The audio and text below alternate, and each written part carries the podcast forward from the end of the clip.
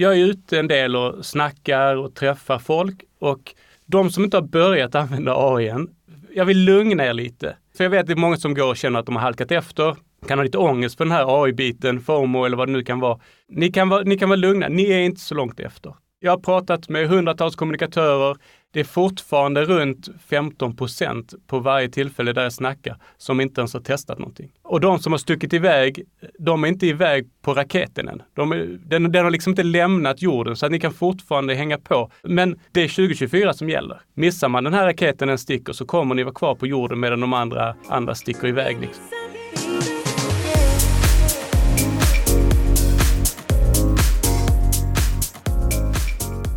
Det där var Keke Ranasto och det här är ett nytt avsnitt av Digital marknadsföring med Tony Hammarlund.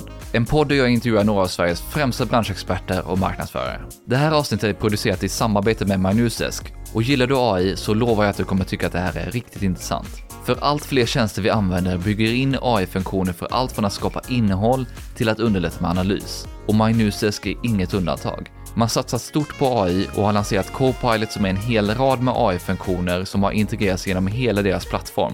Vi kommer självklart prata om det, men vi kommer också prata om en hel del annat om AI och olika verktyg. Med mig har jag Keke Ranasto som är Product and Innovation Manager på MyNewsDesk och en riktig AI-entusiast. Han leder produktteamet inom innovation på MyNewsDesk och sitter dessutom med i styrelsen i både MyNewsDesk och Mention. Och Keke har de senaste sex åren arbetat med att ta fram och implementera olika AI-lösningar för MyNewsDesk. Vi pratar i avsnittet dels om deras AI-satsning Copilot och vilka möjligheter dess funktioner öppnar för kommunikatörer och marknadsförare. Men Keke berättar bland annat också om hur han ser att generativ AI har påverkat PR-arbetet under 2023 och vilka AI-funktioner och verktyg han anser vara allra häftigast. Du får dessutom höra om alla smarta AI-funktioner i Copilot, hur de kan förenkla PR-arbetet, skillnaden mot ChatGPT och andra AI-verktyg, rollen AI kan komma att spela för PR i framtiden och Kekkes favoriter bland alla AI-verktyg. Han delar också två riktigt grymma tips för hur man blir bättre på AI under 2024, plus en massa, massa mer. Du hittar som vanligt länkar till allt vi nämner i poddenlägget på tonyhammarlund.io, så du behöver inte anteckna. Och där har du även tidsstämplar så att du enkelt kan hitta tillbaka till olika sektioner i intervjun. Missa inte att kolla in Copilot på Magnutisk webbsida och bokar du en demo så får du gärna hälsa från mig. Nu kör vi igång avsnittet och Keke inleder med att beskriva vad Copilot är och varför man har satsat så mycket på AI. Vi brukar beskriva Copilot som eh, kommunikatörens extra kollega. Och med det menar vi att den kan vara en kreativ partner, kan vara bollplank och precis som du sa, en assistent. Så ibland assisterar den i ditt jobb och ibland kan Copilot även visa vägen för vad man ska göra härnäst i ditt PR-arbete. Vi fick faktiskt tillgång till, till uh, OpenAIs API ganska tidigt och började titta på vad vi kunde göra med dem. Och precis som du sa så gjorde vi idégenerering. Vi gjorde en uh, textgenerator, precis som ChatGPT. Och sen har vi tittat på hur, hur kan vi utnyttja den här tekniken på olika sätt. Så uh, vi såg ganska tidigt att det här är mer än enstaka features. Vi måste sätta ihop det här till en produkt och då blev det Copilot. Varför har ni byggt det här då? Det korta svaret är egentligen så här, vi vill lösa våra kunders utmaningar och problem. Och i och med att vi jobbat med AI ganska länge, innan generativ AI så har vi jobbat med AI i 6 till 7 år. Och vi hittade många problem vi ville lösa, men det var otroligt mycket jobb att bygga de modellerna själv. Sen när OpenAI släppte ChatGPT och API-erna till, till sin tjänst så såg vi att nu kan vi faktiskt lösa de här problemen. Då kom idén till att, ja men ska vi inte bygga ett AI-lager i hela produkten? Med hjälp av den AI vi byggt själva, men även av den AI vi kan få av OpenAI. Så då skapade vi en vision. Vi sa att vi kunde lägga ett lager med AI och där vi kan lösa våra kunders utmaningar på så många olika ställen. Då föddes liksom hela idén till Copilot. Vilka var de största problemen som ni såg tidigare där? Ett problem som vi alltid velat lösa är writers block, den här blank page problem. Du, du får en uppgift, du ska skriva någonting och du har ingenting, du är blank. Hur kan vi lösa det? Den generativa AI löste ju ganska mycket av det. Du vet vad du ska skriva, du kan skriva in en prompt, det genereras lite text. Men eh, med hjälp av idégenereringsverktyg tänkte vi att vi kanske till och med kan fånga upp och hjälpa lite proaktivt så att kunden faktiskt kan få idéer om vad de ska skriva i tidigare skede. där hjälpte den till och det var något som vi eh, länge har varit inne på och velat lösa. Och sen har den också hjälpt till att lösa uppdatering av kontakter, research, hur du hittar rätt kontakter. Varför är vissa journalister bättre att kontakta än andra? Ja, vad finns det för olika funktioner i Copilot idag? Vi kan ju börja med idégenereringen. Den ger dig idéer på vad du ska skriva om. Jag kan gå in lite djupare på idégenereringen. Om du, den är, det är min bebis, så att jag är lite... jag, jag, kan, jag kan gå ganska djupt på det, men inte, för att inte gå för djupt. Många av våra kunder jobbar superbra. De vet vad de ska skriva om. De tittar inåt i sitt bolag. Vad är det som händer? De tittar utanför bolaget. Vad händer i omvärlden? De, både på mikronivå men även på makronivå. Är det någonting jag kan knyta an till? De hittar rätt vinkel. Sen har vi en del kunder som kämpar mer med det och det här vill vi hjälpa dem med. Hur kan vi hjälpa alla våra kunder att jobba så bra som möjligt? Så ide, vad idégenereringen egentligen gör är att den läser av kundens hemsida, tar fram saker som key message, tone of voice, vilken bransch de verkar i, men även vilka medier som skulle vara intressanta att kontakta. Så vi skapar en sorts kontext om bolaget. Sen vet vi också, har de använt Manusis tidigare så vet vi vad de har skrivit för material hos oss. Och med hjälp av de parametrarna så skapar vi egentligen en omvärldsbevakning där vi tittar på det här händer i omvärlden som kan vara intressant för det här bolaget. Och sen kombinerar, kombinerar vi de här tre sakerna och av det skapar vi sen en idé. Så att man får både sitt eget perspektiv, man får mikroperspektivet, man får makroperspektivet och vi tittar på då nyheter i närtid så du får någonting som är aktuellt också. Och av det skickar vi ut en idé som kunden sen kan ta vidare och skriva en text på eller bara ha som idé och bolla vidare till, till nya idéer. Det som är brainstorming kanske. Och det här skulle ju ta mängder med olika prompts om man skulle göra det med ChatGPT eller Bard eller liknande. Och, och, det är ju egentligen så är vissa av de här grejerna i princip omöjliga att göra själv eftersom vi har hela omvärldsbevakningsfunktionen. Vi bevakar alla medier i Sverige och vi, allt de släpper egentligen. Så vi kan på väldigt snabbt sätt gå igenom okej, vad släpps den närmaste veckan inom ditt område? Även alla andra delar som du skulle då kunna göra i ChatGPT eller Bard. Jättemycket prompter som du måste lista ut hur du ska använda dem och sen så ska du återanvända dem eller ska du göra om dem till nästa gång du ska skriva något. Så, så även om du kan använda AI-verktygen så kommer det ta fruktansvärt lång tid. Det här är idégenereringen. Vad finns det för fler funktioner? Ja, vi har ju textgenereraren, AI-skrivaren eller vad man ska säga, som skriver texter. Vi har även eh, en sidopanel kallar vi den, men den innehåller ganska mycket. Lite så som vi har sett eh, Bing eller eh, Google Duett eller något liknande har. Vi var före, vi var före dem ut. Vill bara påpeka det. Kanske inte så viktigt, men för mig är det viktigt. Men där hjälper vi till till exempel eh, med alternativa rubriker till en pressrelease eller nyhet eller en blogg. Där vi, vi tittar på, okej okay, du kan använda sån här rubrik istället. Vi kan även hjälpa till med SEO-tips. Både på rubriken, din rubrik är för lång, du borde ha den så här, och borde handla om det här. Men även på texten.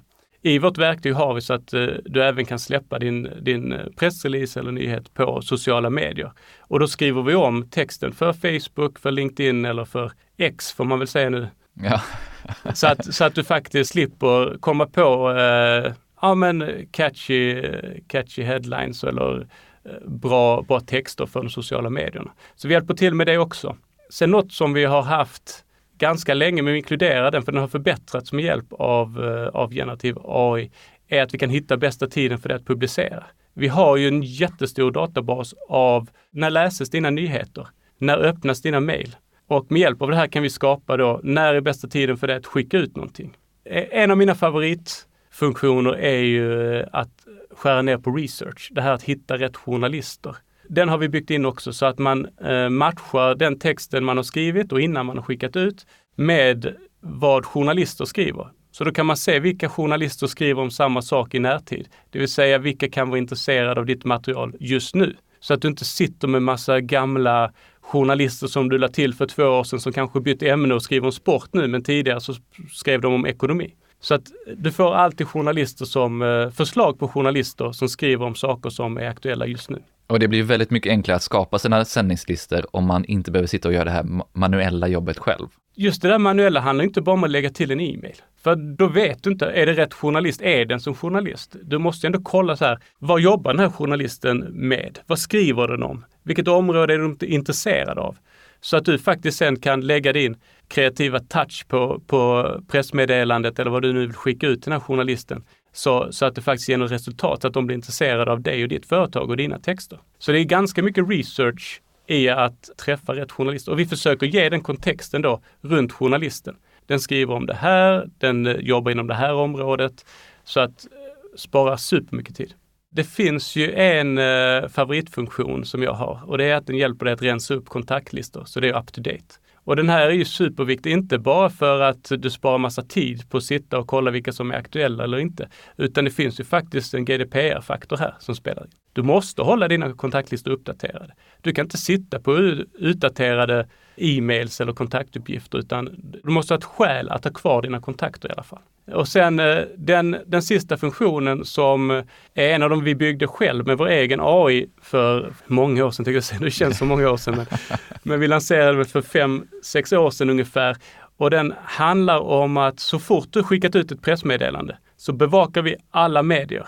Och då har vi byggt en AI-modell som eh, på en similarity score kan man säga. Så den läser igenom ditt pressmeddelande och sen läser igenom alla andra artiklar på samma sätt. Och på så sätt kan den se ja men den här pressreleasen eh, handlar om det här. De här artiklarna som har släppts har en sannolikhet på 95 procent att de faktiskt är baserade på din pressrelease.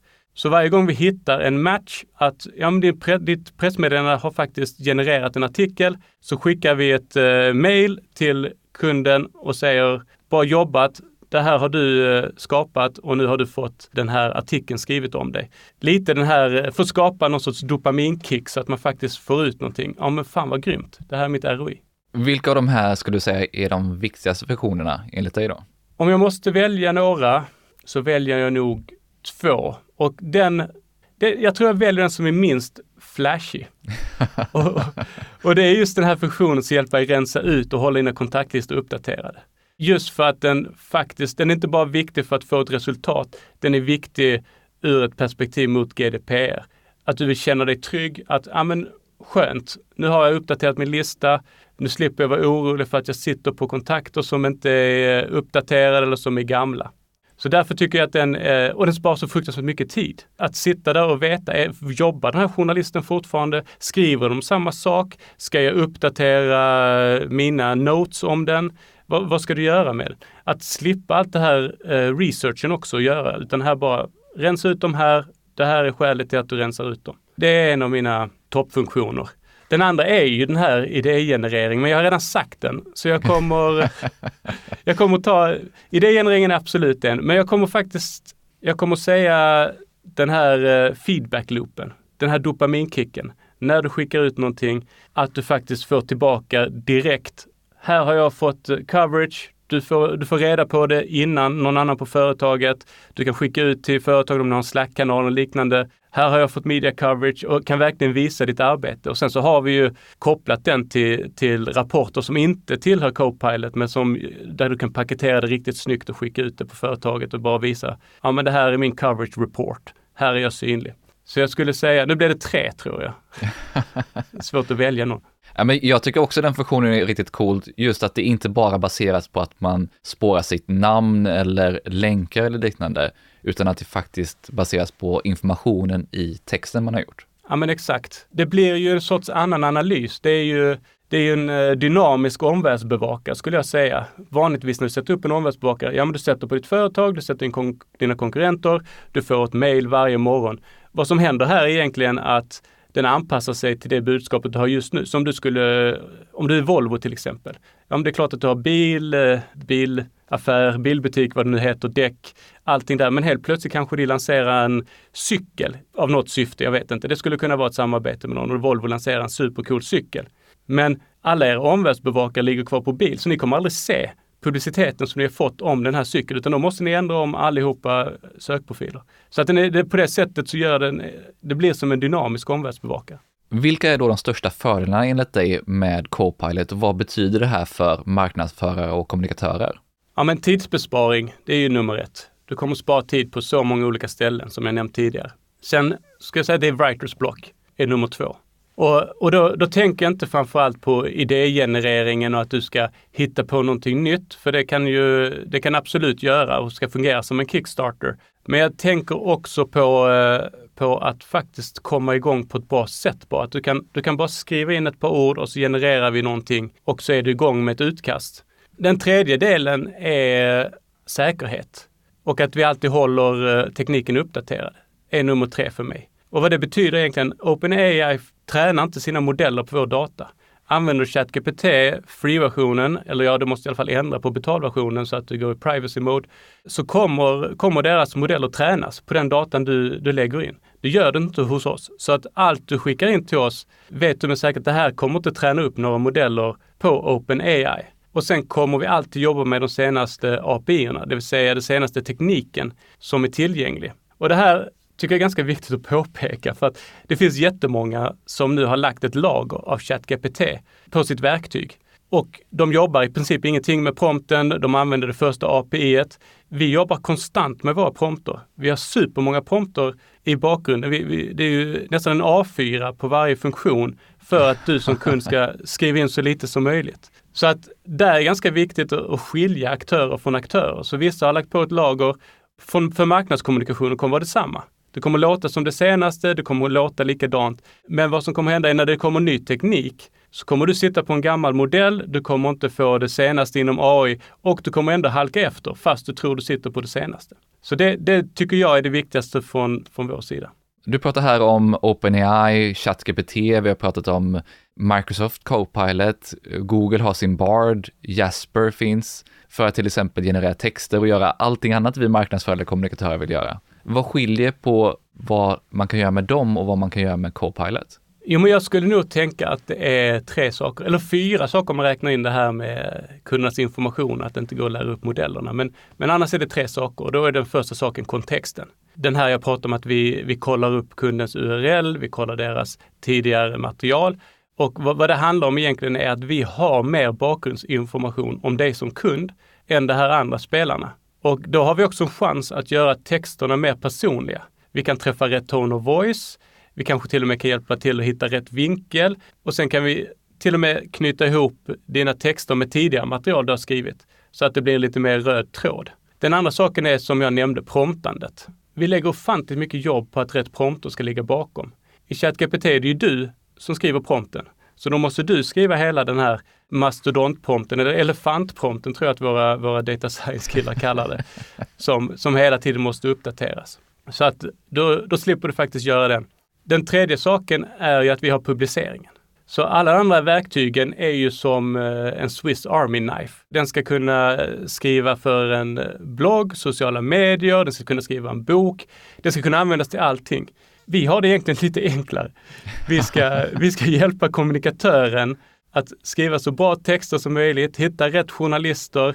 Vi försöker bara ta kommunikatörens arbetssätt och lösa allt som kommunikatören tycker är jobbigt eller behöver hjälp med. Så det blir skräddarsytt för kommunikatören helt enkelt. Om vi zoomar ut lite, det här är Manuses Copilot. Vilken påverkan ser du att AI och den här typen av funktioner har fått på PR-arbetet under 2023?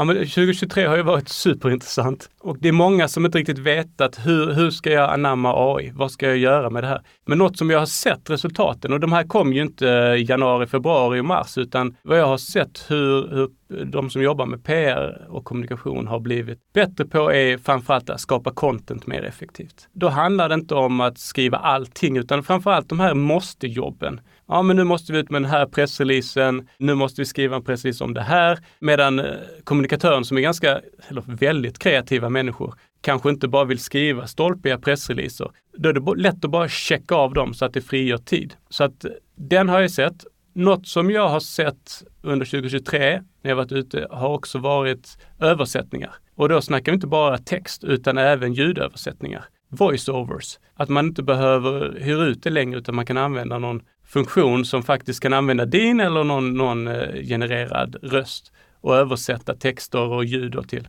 andra marknader. Jag tror vi varit inne på den här research har jag sett att många börjat använda till. Dels då genom att hitta rätt journalister som i vårt område, men också eh, när de i sitt arbete, research för att bli bättre på sitt jobb. Man, eh, istället för att läsa igenom massa artiklar så har man summerat dem. Man kan summera mycket text snabbt.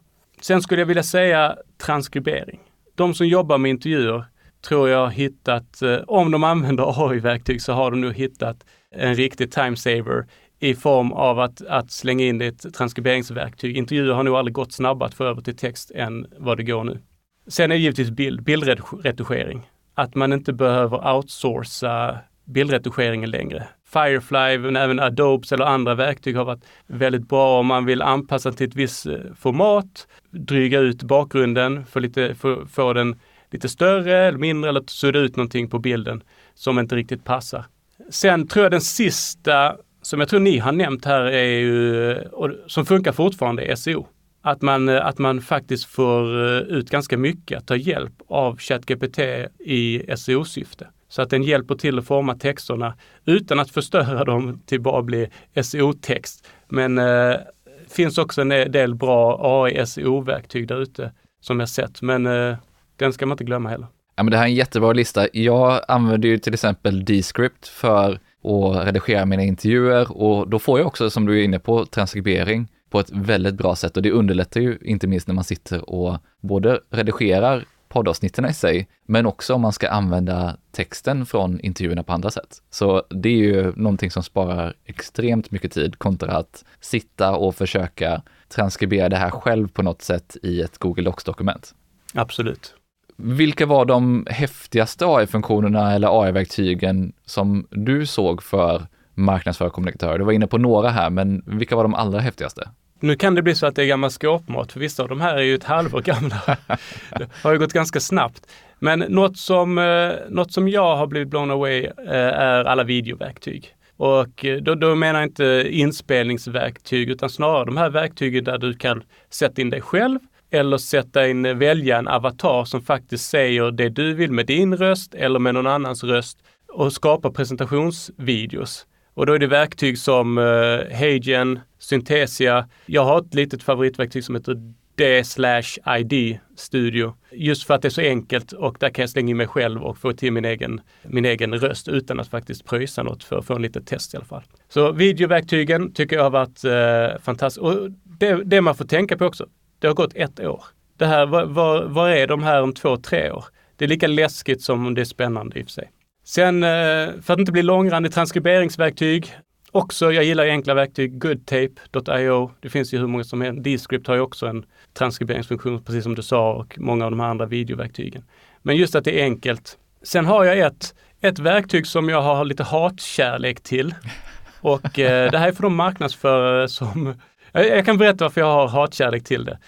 det kom i somras, eller jag vet inte när det kom, jag upptäckte det i somras och min son under sommarlovet som var ganska regnigt eh, låg och kollade liksom på TikTok eller Reel, Reels, jag vet inte vad han kollar på riktigt, men han kollar på videos så hör jag att det är någon sån här motivation kille som står och ropar och skriker. Så jag tittar lite och då är det, då, då scrollar han liksom och så är det en kort klipp och så står det, kommer en undertext och med emojis så här. Jag tänkte, vem fan är det som står och klipper ut det här liksom? Och sen bara någon dag senare så dyker Opus Clip eller Opus Clip Pro upp framför mina ögon. Så jag går in på det och då är det det, är det den gör. Du kan lägga in en 30 minuters video, en timmes video, släng in den och sen så letar den upp liksom de delar av den här videon som ger mest på sociala medier. Den rankar liksom, tar fram 30 minivideos på mellan 15 sekunder till en minut. Undertexter, emojis, perfekt för mobilformat, zoomar in, är den som, om man sitter och snackar så här så zoomar det in på den som pratar. Ja, och jag bara, shit det här verktyget är ju fantastiskt för, ja, då är frågan, hittar man sitt use case? Vill man bara skapa massa reels? Men man kan också använda det till, som marknadsförare skulle jag använt det till kanske skapa några konton där jag kan eh, testa olika saker. Vad funkar? I sociala medier och sen kanske lägga på någon adspend på just de där videorna, fast kanske på ett riktigt konto. Så man kanske skulle kunna skapa några extra konton utanför sitt eget. Och sen så de, de videor som faktiskt genererar någonting kan man sen plocka upp till sitt riktiga konto.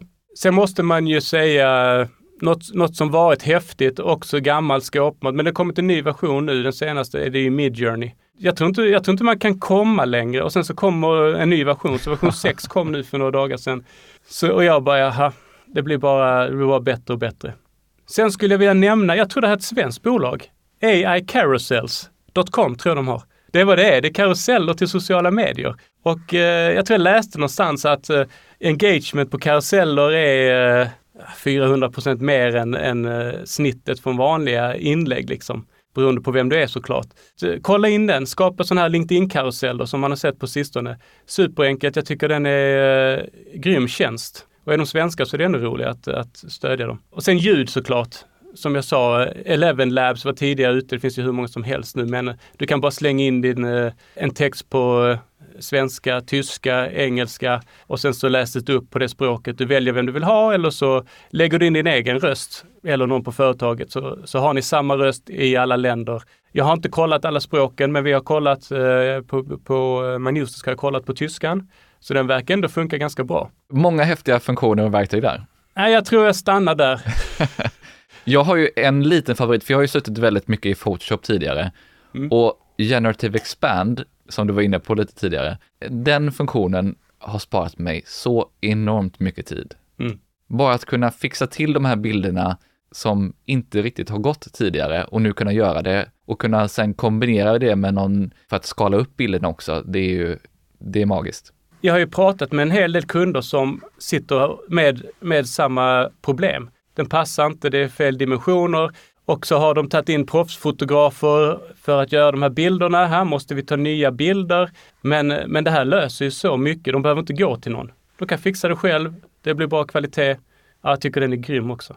För som kommunikatör och marknadsförare där man jobbar med pressreleaser där det inte sällan är bilder på personer. Det är ju nästan där jag tycker den här Generative Expand har hjälpt mig allra mest. När man får en lite halvbra profilbild som har lite fel format och så ska man försöka göra någonting med den. Att då kunna använda Generative Expand har varit en riktigt stor timesaver. Det håller jag med om och något som jag ser fram emot, om jag ska tipsa våra kunder om någonting, det är väldigt, många, många har väldigt stela bilder. Det vill säga de är tagna i en stel miljö, vit bakgrund, ganska tråkigt för tidning att använda. Eh, det finns ju, finns ju background removers där man faktiskt kan lägga in någon annan bakgrund. Vissa blir riktigt bra, ibland blir det inte lika bra, men den ser jag fram emot att, att ja, vi kanske ska lägga in i vårt verktyg också för den delen. Så att man kan, eh, man kan anpassa till vilket media man skickar till. En bra idé. Jag skriver ner den. det är någonting som jag tänker som kan göra stor skillnad.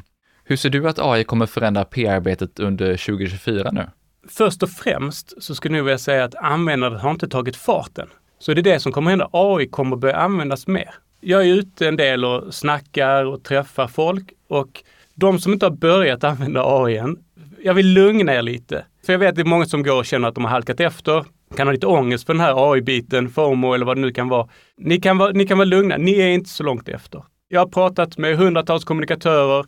Det är fortfarande runt 15 procent på varje tillfälle där jag snackar som inte ens har testat någonting. Och de som har stuckit iväg, de är inte iväg på raketen än. De är, den, den har liksom inte lämnat jorden så att ni kan fortfarande hänga på. Så, men det är 2024 som gäller. Missar man den här raketen en sticker så kommer ni vara kvar på jorden medan de andra, andra sticker iväg. Liksom. Så jag, jag vill bara sagt det, så ni kan, ni kan vara ganska lugna, men ni måste nog komma igång 2024. Något som kommer vara tydligt 2024 är också att det kommer inte bara vara de här framåtlutande som det varit 2023 på alla företag som, som har varit intresserade av ny teknik och börjat sätta igång med AI, utan nu kommer ordern komma uppifrån. Cheferna, styrelser, de kommer sätta krav på att faktiskt använda AI i mer delar än kanske bara marknadsavdelningen eller teknikavdelningen eller vem det nu är som använder det idag. Den kommer komma att nu är det dags att faktiskt börja använda AI och det är inte, ett, det är inte en alternativ lösning utan ett måste. Jo, men nu finns det ju faktiskt verktyg som man kan använda kommersiellt, för många av de här verktygen vi har kunnat testa och som har demats och som har spridits eh, exempel på, har inte alltid varit sånt som man faktiskt kan använda kommersiellt. Nej, absolut. Och, det, och det, jag, tror, jag tror att de som har tagit det lugnt har nog, just nu är det ganska bra tid. För nu ser man verkligen vilka går ut vinnande ur den här striden bland verktygen. Vilka verktyg kan du lita på? Vilka delar inte din information? Vilka känns säkert? Och vilka kommer uppdatera och finnas kvar i framtiden så man inte satsar på fel häst? Sen har jag det som många kanske är oroliga för. Och det är just, eh, just vad, vad gör människan? Vad gör tekniken? Men eh, jag tror att de mänskliga delarna kommer bli mycket tydligare. Och då snackar vi framförallt om kreativitet. Hitta rätt vinkel på texter och lägga den där sista touchen som AI inte klarar av. Nätverkande är också en sån grej som vi ser kommer att vara viktig. Tillsammans med kreativiteten är det en sån sak som är jättesvår för AI att göra. Vilken journalist vill sitta och fika med en, med en AI? Eller det finns väl säkert några. Men, men i långa loppet så blir det inte så intressant.